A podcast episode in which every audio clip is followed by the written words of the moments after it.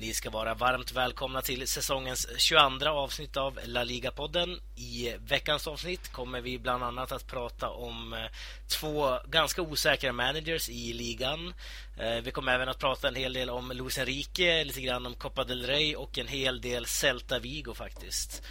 Eh, Daniel Jakobsson heter jag och eftersom den här presentationsrundan låter ungefär lika vecka in och vecka ut så tänkte jag att du Sam skulle få presentera dig själv den här gången. Ja, ja det var oväntat. Det var oväntat. Ja, men, eh, hur du brukar köra. Eh, välkommen till La Liga-podden. Sam Saidi heter jag. Och med mig har jag i vanlig ordning Daniel Jakobsson. Ja, men tjena. Jo, men det var bra tack. Det var bra. uh, nu tar jag över här igen. Ja. med oss den här veckan har vi även Tobias Skagerström som gör sitt andra inhopp för säsongen. Allt väl med dig Tobias? Det är bara fint här. Mm, härligt. Har det hänt någonting nytt sen eh, du senast var med? Jag tror det var augusti någon gång du var med här förra gången. Det har väl hänt en hel del och eh, samtidigt inte så jättemycket. Nej, det brukar väl vara så. det är ja, alltid så. Ungefär. Ja, härligt. Men jag, jag, jag, tycker vi på en gång ska hoppa på första programpunkten här, veckans fråga. Eh, som denna gång är inskickad av Leo Mårtensson. Eh, som har skickat in den här frågan till laligapodden gmail.com. Och dit får ni gärna skicka era synpunkter, era frågor och ämnen som ni vill att vi eventuellt tar upp nästa vecka. Eh, frågan lyder då så här. Eh, är ni rädda för att fotbollsscenen kommer att förflyttas från Europa till Kina i framtiden? Hur påverkas La Liga av detta, Sam?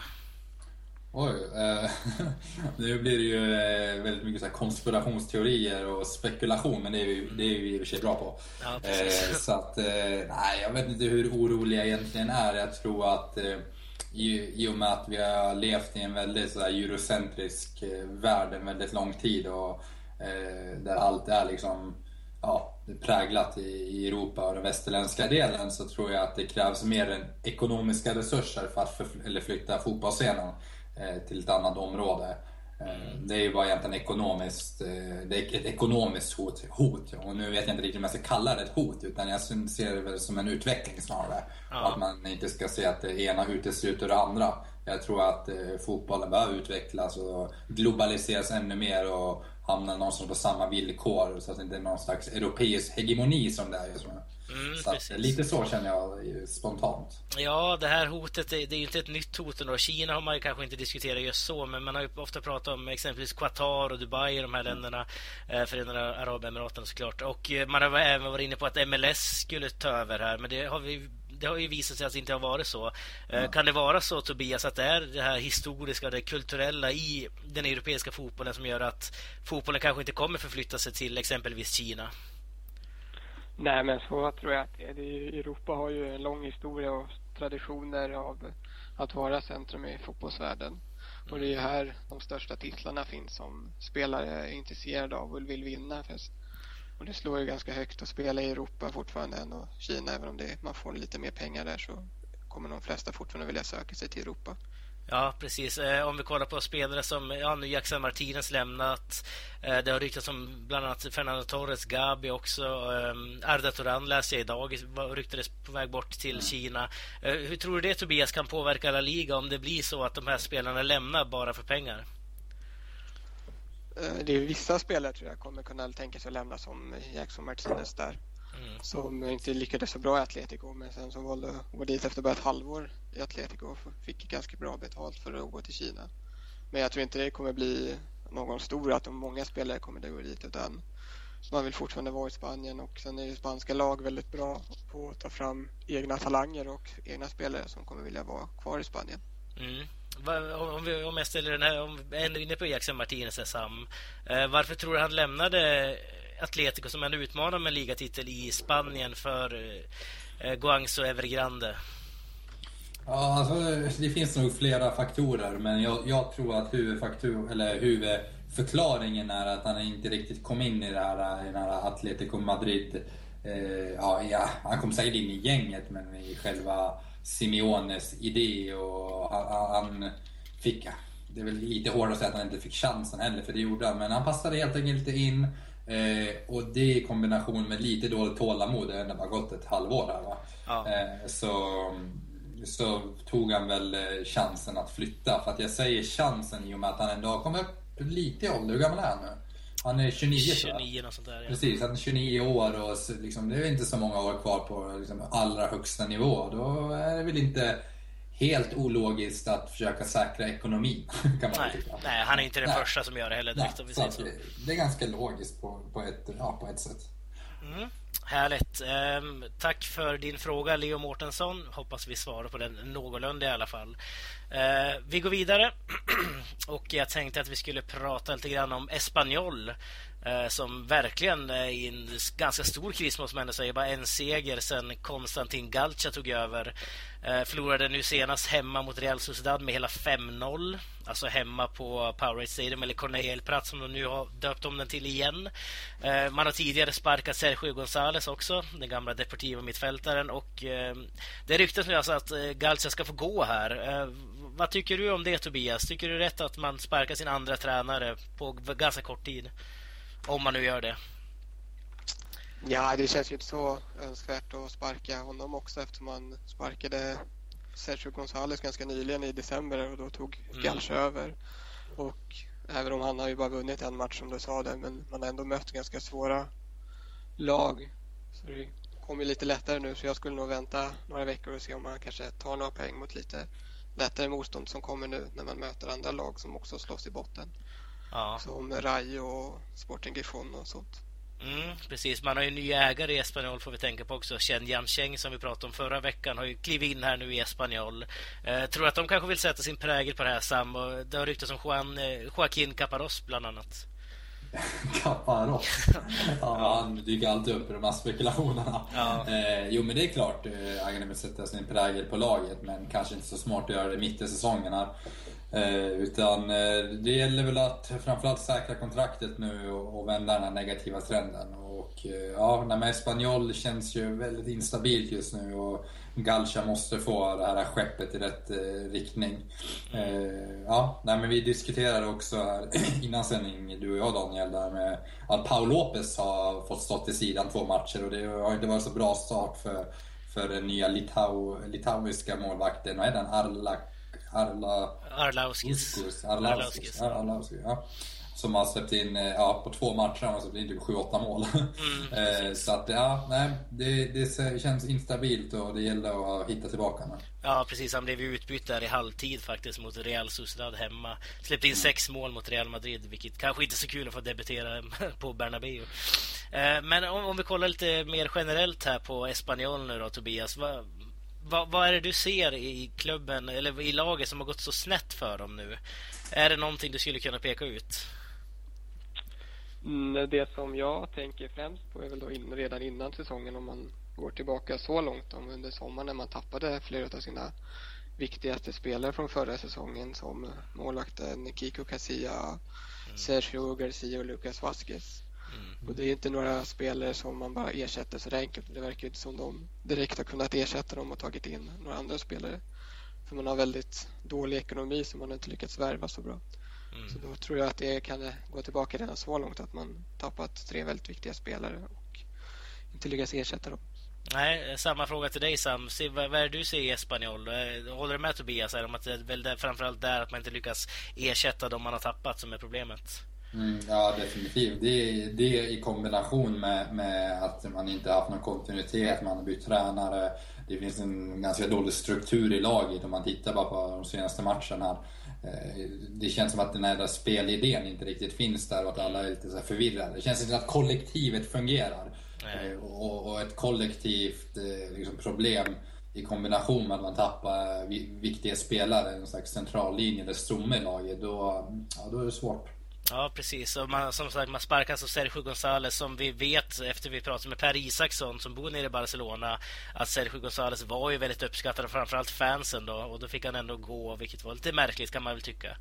Mm. Eh, och då låg man ändå ganska mitt, i, i mitten av tabellen där någonstans. Eh, men vi går vidare och snackar om ett annat litet krislag. Vi har ju pratat väldigt mycket om de här sen vi kom tillbaka från juluppehållet och det är såklart Valencia och Gary Neville. Eh, förra veckan så la vi ju nästan ett helt program till bara Gary Nevilles, eh, eh, Gary Nevilles subject, eller vad man ska säga. Eh, men om vi kollar här nu då. Nu förlorar man alltså återigen Alltså, det, det händer ju ingenting i Valencia just nu. Man föll nu senast här mot Real Betis borta. Och Betis vet vi också är ett ganska stort krislag, men när man har bytt president och så vidare i veckan. Eh, är det hållbart, Tobias, att ha kvar Gary Neville? Är det, är det dags att han ska få gå nu? Ja, det, jag vet inte. Det är en svår fråga det där. Det, han är ju inte så omtyckt av fans och så längre. Han, det har inte gått bra för honom sen han tog över kan jag minst sagt säga. Men det har ju ryktats om Juan de Ramos och Caparoster också vad jag har läst. Det kanske kan vara dags att ta in någon som är lite mer erfaren och kan styra upp det här. För det har ju inte sett bra ut under Neville. Nästan sämre under honom än under Nuno. Ja.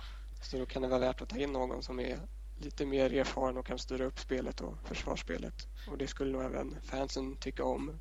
Nu tycker inte de bara illa om Neville på grund av att inte har gått på grund av resultaten utan andra anledningar också. Men det kan vara bra att kanske ta in någon tränare som inte har samma tydliga stora koppling till Mendes och Peter Lim som Neville har. Nej, precis. Eh, vad säger du Sam? Hur stort tålamod tror du Peter Lim kommer ändå ha med Gary Neville? Det var ändå han som handplockade in Gary Neville till det uppdraget och nu börjar han väl känna att det kanske inte går så bra där. Jo, han måste ha tålamod fast uh, annars kommer han ju göra sig själv till åtlöje lite så att uh, jag tror att han kommer ge Neville ja, eh, några matcher till eller lite tag till om det inte liksom fallerar helt. Han skulle ju som sagt inte vara där från första början, Gary Neville. Det är det som är problemet. Så att, eh, jag vet inte riktigt om man ska åtgärda det här eh, felet med att göra yt... Eh, eller, det här felet ska man kanske inte säga, men eh, man ska åtgärda det så förhastigt som man gjorde när man tillsatt Neville. Mm. Det kanske inte löser problemet om man bara zoomar in och ser hur läget är just nu.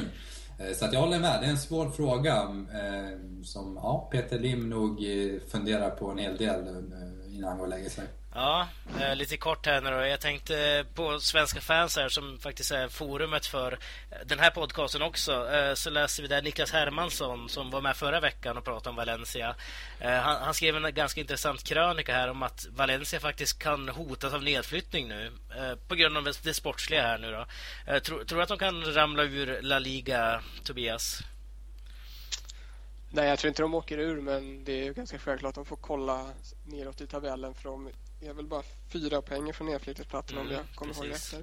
Och den formen och spelet som de har visat sedan Neville tog över de senaste matcherna har inte varit speciellt bra. Så det är klart att de får hålla koll bakåt och hoppas vända på det så fort som möjligt. Ja, fyra poäng ner och 20 poäng upp till Champions League-plats, um, vad, vad, vad tror du? Tror du att de kan åka ur? Jag tror att det finns för stor individuell skicklighet i Valencia för att de ska ta liksom, klivet ur La Liga. Ehm, det tror jag inte de kommer göra. Däremot så tror jag inte heller de kommer kunna slåss om Europaplatser eh, om det fortsätter så här. Eller det kanske är redan kört om man inte helt plötsligt prickar formen helt otroligt bra här i slutet. Eh, så det är klart, man ska inte underskatta Botniastriden. Och, ehm, ja, men jag tror som sagt individuell skicklighet kommer ändå se till att de håller sig kvar. Mm. Vi får se vad som händer med Valencia framöver här. Eh, vi ska faktiskt sätta stopp för del 1 här och eh, när vi är tillbaka så ska vi snacka Celta Vigo.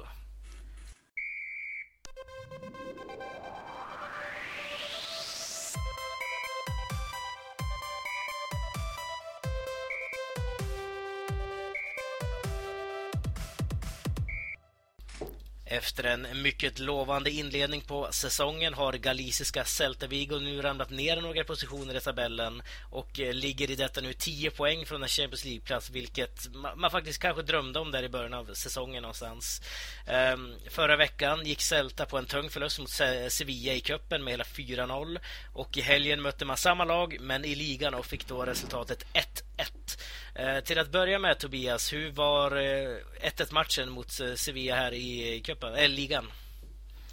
Jo, men den var ju ett steg framåt från cupdebaclet där det blev stor förlust med 4-0. Mm. Det här var ju en match med annan laddning ur Celta Vigo synpunkt och lite mer revanschkänsla efter storförlusten där. Mm. För innan har man satsat väldigt mycket på kuppen och velat gå till final men nu är den chansen i stort sett ute så då vill man ha revansch i ligan istället om man satsade mer.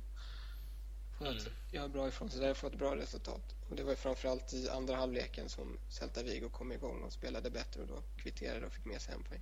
Ja, jag tycker det var rättvist då att man fick med sig det här 1-1 resultatet. Jag såg framförallt i andra halvlek, jag kollade väldigt lite grann i första halvlek, men i andra halvlek så såg jag, då tyckte jag Celta Vigo pressade tillbaka Sevilla ganska mycket. Håller du med om det? Ja, jo, så var det. Det var ju matchen påverkades en del av att Fazio i Sevilla fick tidigt utvisning redan i mitten av första halvleken. Men mm. Sevilla lyckades ändå i första där för inte fortsätta ha det mesta av spelet och påverkade inte så mycket av det. Utan det var i andra halvlek som Celta Vigo kom igång och tryckte på för en kvittering. Bland mm. annat efter ett inhopp av Jon Guidetti där som hjälpte till. Precis. Ja. Ja, han kommer vi in på lite senare tänkte jag. Um, vad, vad, säger du Sam? Vad skiljer sig från 4-0 förlusten som faktiskt var rent ut sagt bedrövlig för Sevilla, eller Celtas del uh, med, med, matchen nu som var i helgen här? Uh, ja, först och främst så var det på Balaidois som är en helt annan historia ofta när det gäller Celta som är väldigt starka hemma. Eh, så bara där så har vi den största skillnaden kanske. Men också att på planen, i och med att de är på Balaido, så presterar de på en helt annan nivå, en helt annan intensitet, ett helt annat självförtroende. Eh, så att det är väl framförallt det som skiljer sig. Och eh, sedan om man ska vara ärlig, i cupmatchen mot Sevilla, klart det var, det var skillnad. Eh, att Sevilla var ett nummer för stort. Men det var ändå väldigt små marginaler. Även om 4-0 kanske inte indikerar på att det var så små marginaler. Det var ju någon straffsituation där och så var det någon kontring efter så, så är ju liksom hela dubbelmötet avgjort istället. Mm. Ehm, så att ja, eh, lite små marginaler blandat med att eh, man är mer trygg på hemmaplan i kombination med dålig form är väl de två stora skillnaderna från Sanchez Pijuan och Valadois. Mm, jag tänkte att vi skulle komma in på just formen här, Celta Vigos väldigt usla form som du säger. Um det såg ju som sagt väldigt lovande ut här i höstas, Tobias. Um, när vi, vi pratade där i augusti, minns jag, då var vi väldigt optimistiska för Celta Vigos del. Um, nu under 2016, här framförallt senare delen av januari och början av februari har det sett väldigt taskigt ut, måste man ändå säga. Uh, vad har hänt med Celta? Nej, men man har ju för det första en väldigt tunn trupp. Så där har har roterat väldigt lite. Så då har ju de viktiga elva spelarna blivit väldigt slitna och det börjar väl synas nu också att de blir trötta och inte orkar springa lika mycket och kämpa lika mycket. Sen överpresterade väl Celta Vigo en del i början av säsongen där man låg och kämpade och slåss om en, en Champions League-plats och det blev väl mer än bara en dröm, en verklighet och nu är man lite mer nere på sin normala nivå där man ska vara. Mm. Ja, det där syndromet ser vi även på Eibar och Deportivo bland annat som har börjat falla i tabellen lite grann nu. Eh, håller du med Tobias Sam här att det kanske att man spelade över sin förmåga egentligen där i början av säsongen? Ja, eller över sin förmåga. De kan ju prestera på den nivån så de är väl uppe på liksom sin högsta nivå. Jag tror de har den förmågan när, när allt klaffar. Så att jag tror nog förklaringen snarare sitter i den tunna truppen och, och lite skador. Eh, jag menar, det är klart att när man har Nolito borta som är den mest kreativa spelaren, man tappar liksom Augusto på mitten. Det, det, är, det känns på ett helt annat sätt för ett lag som Celta än en, en större klubb, eller för Sevilla för den delen. Mm. Eh, så att det är i kombination med att man faktiskt hade en väldigt hög högsta nivå under en lång period, absolut, så, så kan det vara så. Ja, vad tror du man faller bort från Europakampen nu då Sam? Eh, inte Europakampen, men Champions League-kampen kanske.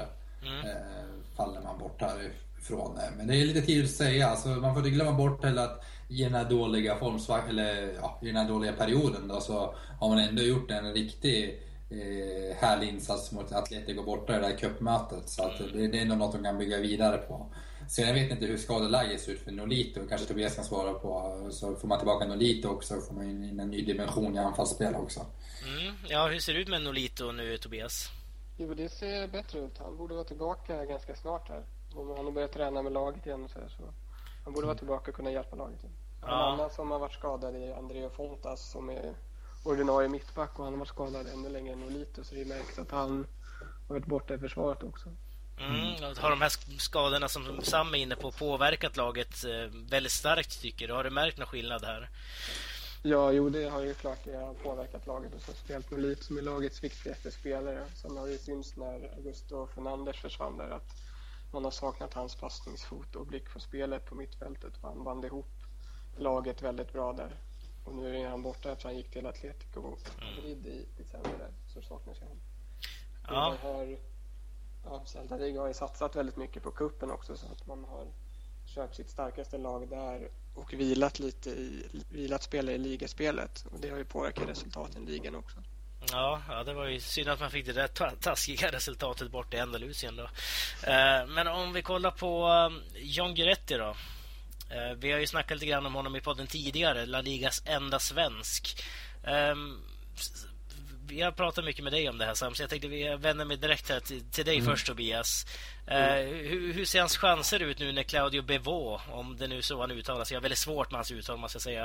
Uh, Claudio Bevo, han har ju startat väldigt många matcher. Hur ser Guidettis chanser ut framöver här nu att uh, ta en startplats exempelvis?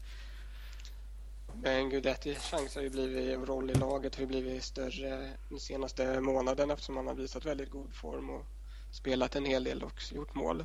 Så nu kommer konkurrensen från Bevo. Det är också svårt att uttala hans namn där, så du är inte ensam Daniel. Ja, bra. Men sen har ju nog lite varit skadad så då har det öppnat upp för Gudetti och Beritz har ändrat om lite i startelvan och spelat lite annan formation med både mm. Aspas och Gudetti på planen samtidigt. Men annars så Gudetti ses nog inte som en startspelare hela tiden utan det beror på lite hur Berizzo kommer att ställa upp när Nolito är tillbaka där.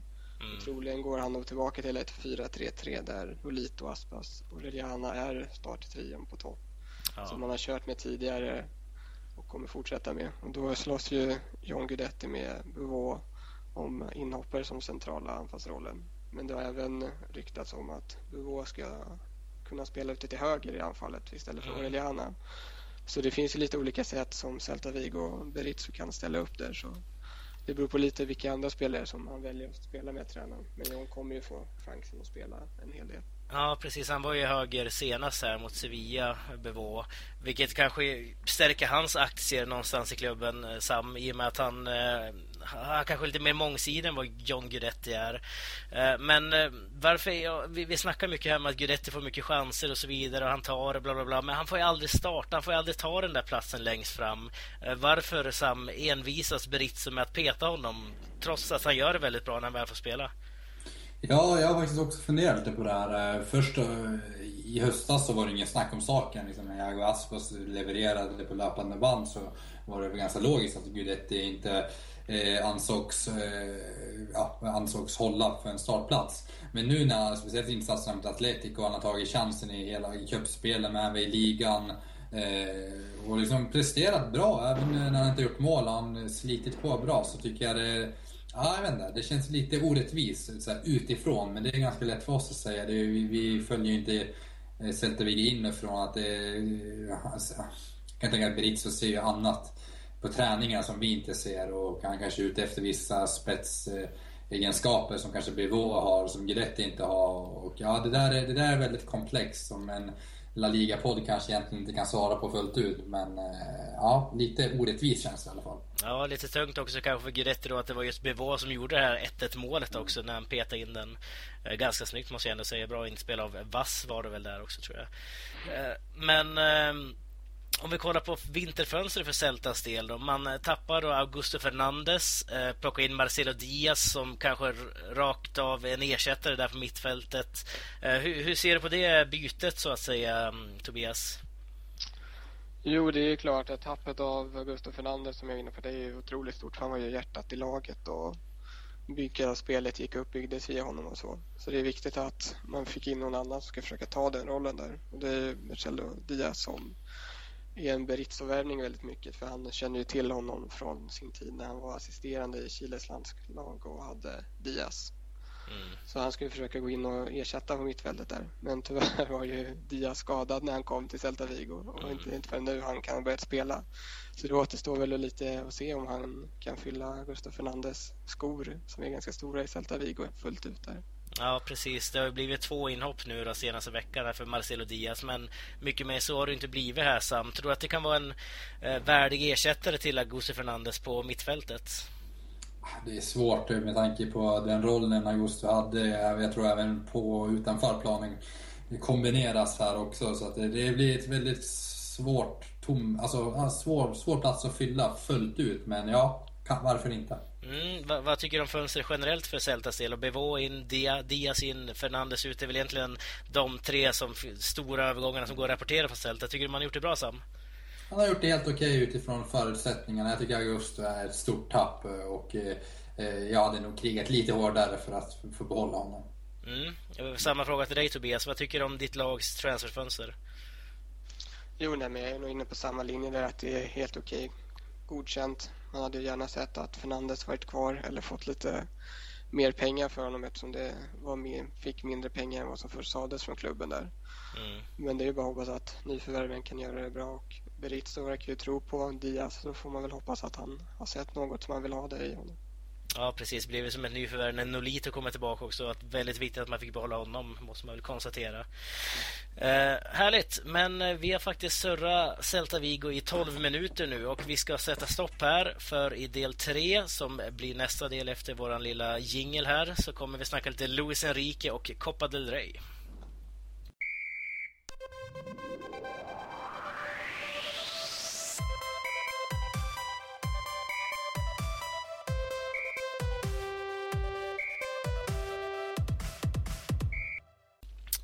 Helgen coachade Luis Enrique sitt Barcelona för hundrade gången och vann då även sin totalt åttionde match när man slog Levante borta med 0-2.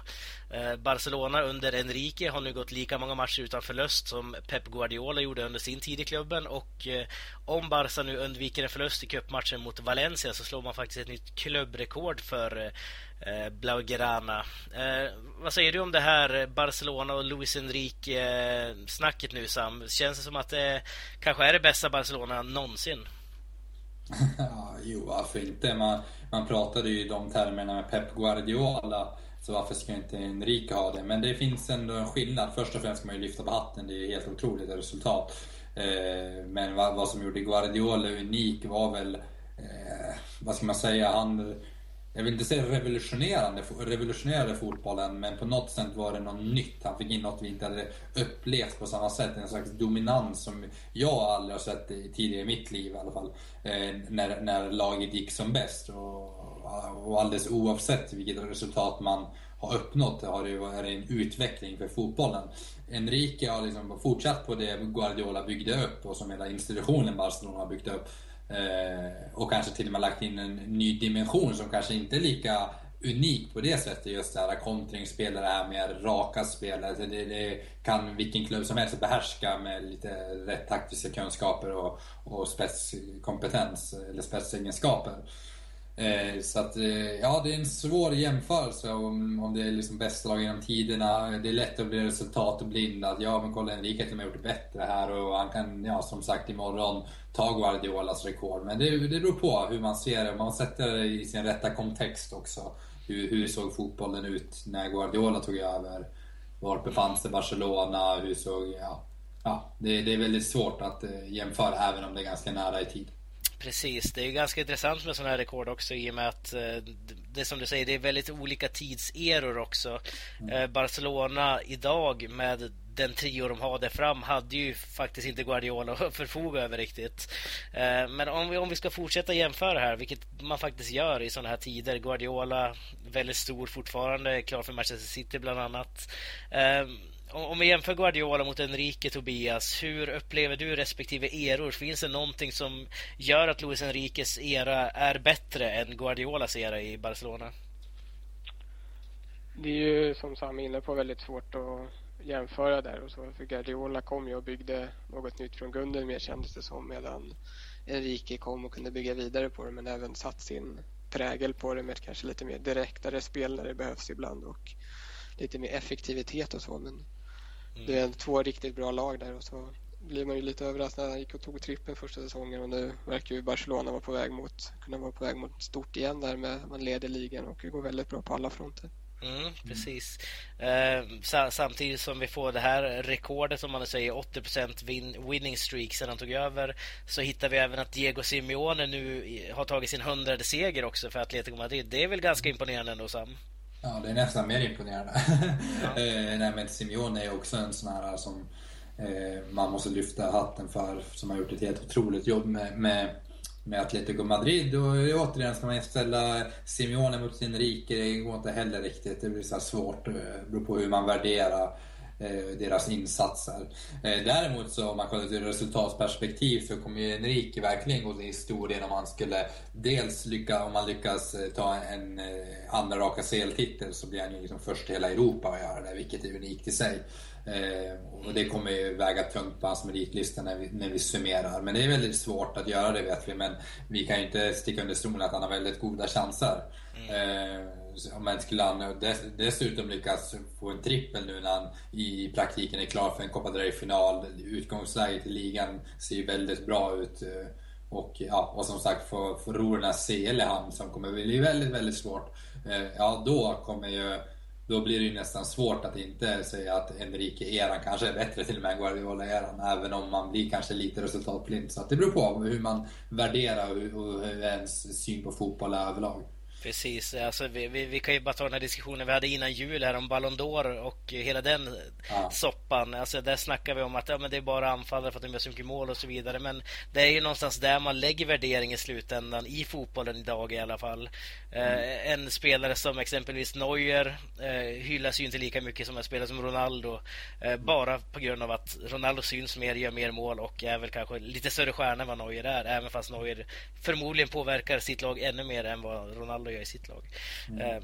Skitsamma. Eh, vi går vidare och snackar lite grann om Copa del, Copa del Rey semifinalerna som nu avgörs i veckan.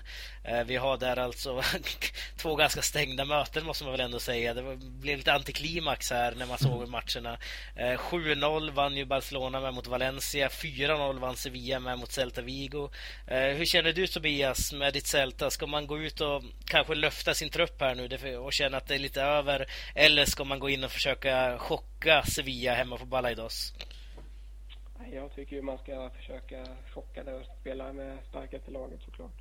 Mm. Även om det är ju svårt utgångsläge med 4-0 i baken men det är ju bara att satsa på det. Man kan ju inte vila spelare. Det är ingen som förväntar sig att man ska vända det här underläget eller kanske ens vinna men man måste ju ändå visa lite vilja och engagemang och att man är redo att slåss för det. Ja, men finns det någonting överhuvudtaget som kan tyda på att Celta ska vända på det här? Det är ju väl att man har hemmaplan nu och hoppas att det ger någonting. Kanske ett tidigt mål eller två. Sätter lite, får igång fansen och sätter igång spelarna ännu mer så att man börjar tro på det och Sevilla blir lite nervösa så att man sprider sig lite oro i det, det laget så kan Celta Vigo utnyttja det. Mm. Vad, vad säger du om det här mötet mellan Celta Vigo och Sevilla som, som spelas nu på torsdag? Vad har du för tankar? Uh jag, jag tror ju att det är kört eh, och eh, Sevilla är alldeles för bra för att kollapsa så pass mycket. Eh, och speciellt när inte Celta har den vassaste formen just nu.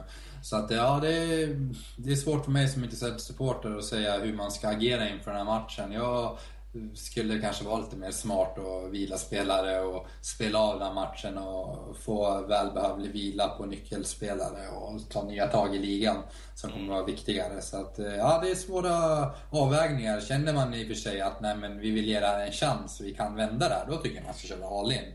Eh, men det är liksom upp till gruppen. Det är klart att man utåt inte kan säga det är kört men Nej. internt i gruppen får man ju ha en diskussion eller eh, ledarstaben hur man ser på chanserna att gå vidare om man verkligen tror på det här. Ja, och det kanske gäller för Sevilla också där då, att man kanske löftar, eller hur tänker du där? Ja, Sevilla gör ju nog förmodligen lite mix där. Jag tror ändå de inte kommer vilja ge en liten möjlighet. Får man ett tidigt mål, och, alltså två mål i halvlek, då kommer man ju bli lite nervös.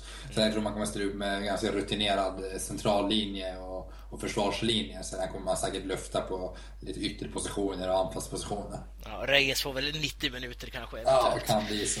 Ja. Eh, om vi kollar på det andra mötet då. Vi kan ju nästan förmoda här nu, no offense alla Celta Vigo-supportrar och jag vill inte jinxa er Sevilla-supportrar, men vi kan ju anta att Sevilla tar sig till final. Uh, och på andra sidan så kommer vi ju... jag har svårt att se att Valencia skulle vända den matchen där de förlorar med 7-0 uh, borta på Camp Nou. Nu kommer man alltså till Mestalla. Uh, kan man vinna med 8-0 i den här matchen, Tobias? det skulle vara Nej, perfekt för Gary Neville liksom. Jo, det är det han behöver egentligen där. Men mm. det blir nog inte så för gamle Neville där. Han får nog hoppas på att det inte blir någon stor förlust igen utan att man spelar bättre där och inte gör bort sig som man gjorde förra mötet där, man spelar bättre och kommer igång lite. Mm, man kanske är mer ute efter att hitta någon slags spelform snarare än resultatet här, är det du tänker? Ja, här handlar det ju inte så mycket om resultatet utan det är mycket annat som ligger omkring Neville. Att man vill se någon idé, att spelare börjar komma igång och lite att det inte är engagemang, ledaregenskaper eller förmåga att sätta igång laget lite så man börjar få hopp igen hos Svensson och hela Valencia. Mm, delar du den uppfattningen Sam? Ja, det gör jag. Eh, lyckas Neville göra en 8-0-seger, då kommer han sitta säkert kvar på posten. då kommer han nästan bli helgonförklarad och gå till historien som århundradets vändning. Och det tror jag inte det kommer ske faktiskt. Eh, så att ja, jag är väl inne på samma spår någonstans. Så att, eh, det gäller att se här, den här matchen som ett ypperligt träningstillfälle på något vis. Där man kan spela in lite idéer och ja, visa lite värdighet för mm. klubben och stolthet och ja, inte kollapsa i alla fall. Nej, precis. Men om vi kollar på ditt Barcelona då Sam. Eh, man jagar nu det här rekordet då för, för Luis Enriques skull, att han ska få slå Pep Guardiolas klubbrekord. Eh, tror du att det spelar någon roll i den här matchen eller tror Enrique ändå kommer löfta lite spelare här? Ja, jag tror inte Enrique bryr sig så mycket om det rekordet utan han är nog inställd på ja, eh, nästkommande, eller näst, nu i mån, eh, det kommer dra ihop sig väldigt mycket här i februari. Så han har nog större mål i siktet. Eh, och jag, jag hoppas att han kommer lyfta spelare och inte bara spela nyckelspelare 90 minuter för nu har det varit intensivt matchande. Så att jag hoppas inte att han tar sin personliga individuella framgång här, att någon slags prestige med Guardiola och matcha en, en toppelva. Eh, finns det någon speciell spelare du skulle vilja se lyftas fram i den här matchen? Vi har tidigare varit inne på Samper bland annat. Ja, nej men Samper definitivt. Eh, nej men, eh, Eh, låta Arda Turan och Vidal fortsätta få komma in i laget. Eh, det kommer vara viktigt. Mathieu har gjort det jättebra senaste tiden. Ska fortsätta få speltid. Monir hade börjat 2016 jättebra efter, efter att ha fallit bort ett tag. Sandro var länge sedan han spelade, får se om han kan få några minuter. Så att, ja, det finns några spelare, Ter Stegen kommer få nyttig speltid. Eh, så att det, det finns en hel del spelare som eh, kommer behöva den här matchen. Mm, härligt. Eh, vi börjar faktiskt närma oss slutet av programmet här nu. Eh, men innan så ska vi såklart tippa veckans match. Och eh, förra veckan så tippade vi då Norrderbyt, om man nu får säga så. Det är ju faktiskt två olika autonoma regioner, men ändå. Det är lite av ett hatmöte där, Sporting Gijon Deportivo. Eh, det blev inte lika heta känslor som man kanske hade tippat på på förhand, men matchen slutade i alla fall 1-1. Niklas Hermansson som var med förra veckan, han tippade först 1-0 till Sporting. Eh, men han ändrade sig sen när han fick höra att Sam också hade gjort det eh, och tippade då 0-0 i den matchen vilket betyder att han fick in en poäng där då. Eh, Sam, du tippade 1-0 till Sporting och jag tippade 1-2 till Deportivo så att det blev ju ingen fullpott för någon av oss här förra veckan då. Mm. Eh, den här veckan så tänkte jag att vi skulle tippa två krislag i Valencia och Espanyol som i en väldigt intressant match måste man ju ändå säga. Ehm, den spelas på lördag klockan 20.30. Eh, om, om vi börjar med dig nu då, Tobias. Hur slutar eh, Valencia Espanyol? Ja, det är ju en väldigt rolig match eftersom det är två lag i kris som verkligen behöver en poäng där. Så... Men jag tar 2-1 till Valencia. Gary Neville får en efterlängtad seger och lite andrum där. Ja, precis. Eh, det skulle han verkligen behöva. Eh, Neville behöver ju verkligen segern som sagt och även Galchasam behöver ju verkligen en seger för sitt Espanyol. Eh, hur slutar det här? Jag tror 3-0 till Valencia. Det blir en okay. skön vinst och med lite marginal. Och, ja, nej, men det känns som att det blir en liten catch-up-effekt. Okej. Okay. Mm. Mm. Härligt. Då ska jag tippa också såklart. Måste tänka nu Valencia, Espanyol. Jag gissar då på um, jag, jag, tror att eh, kräftgången kommer fortsätta här för Gerneville. Jag tror att det slutar 1-1 det här. Mm. Jag tror inte vi får någon, någon seger. Varken Galcha eller Gerneville kommer sitta så mycket säkrare efter den matchen direkt. Eh, men där har vi resultaten alltså. Mm. Ska du köra veckolistan Sam? Jajamän. Vi börjar med veckans Trocchiero i vanlig ordning och den måste jag ju ge till Luis Enrique som har sanerat Pep Guardiolas rekord och det förtjänar en Tokyo-utmärkelse faktiskt. Får se om man lyckas eh, gå förbi också imorgon. Det blir... Mm, mycket då... troligt känns det som. Ja, det är inte helt omöjligt. Man vet aldrig. Eh, veckans Faber. Veckans Faber. Vi har varit inne på, jag tänkte ju ta Espanyols nya målvakt där, men jag tror jag drar hela föreningen över en kam här och delar ut den till eh, ja, hur man har sett ut på den senaste tiden och formen och ja, laget överlag. Så att jag tror hela föreningen skulle må bra att, för att man fått en Faber-utmärkelse så att de kanske skärper till sig. Ja, precis. De brukar ofta lyssna på La Liga-podden i Spanien. Ja. Köper du listan, Tobias? Ja, jag köper Det var en bra lista där. Vi har ju pratat om det så, och Sam kan ju sina grejer där, så det var en fin lista. Någonting du vill tillägga? Nej, jag trodde nästan att Gary Neville skulle bli Faber där, men Espanyol kvalificerar ju också bra till den. Ja, jag tror han fick den förra veckan. Vi var lite osäkra där. Ja, jag kunde inte ge två veckor i rad Ja, det är lite taskigt. Mm. ja, men eh, härligt. Ni får gärna gå in på laligapodden.se och kolla på lite gamla klipp. Förhoppningsvis kommer ni kunna läsa en blogg där också.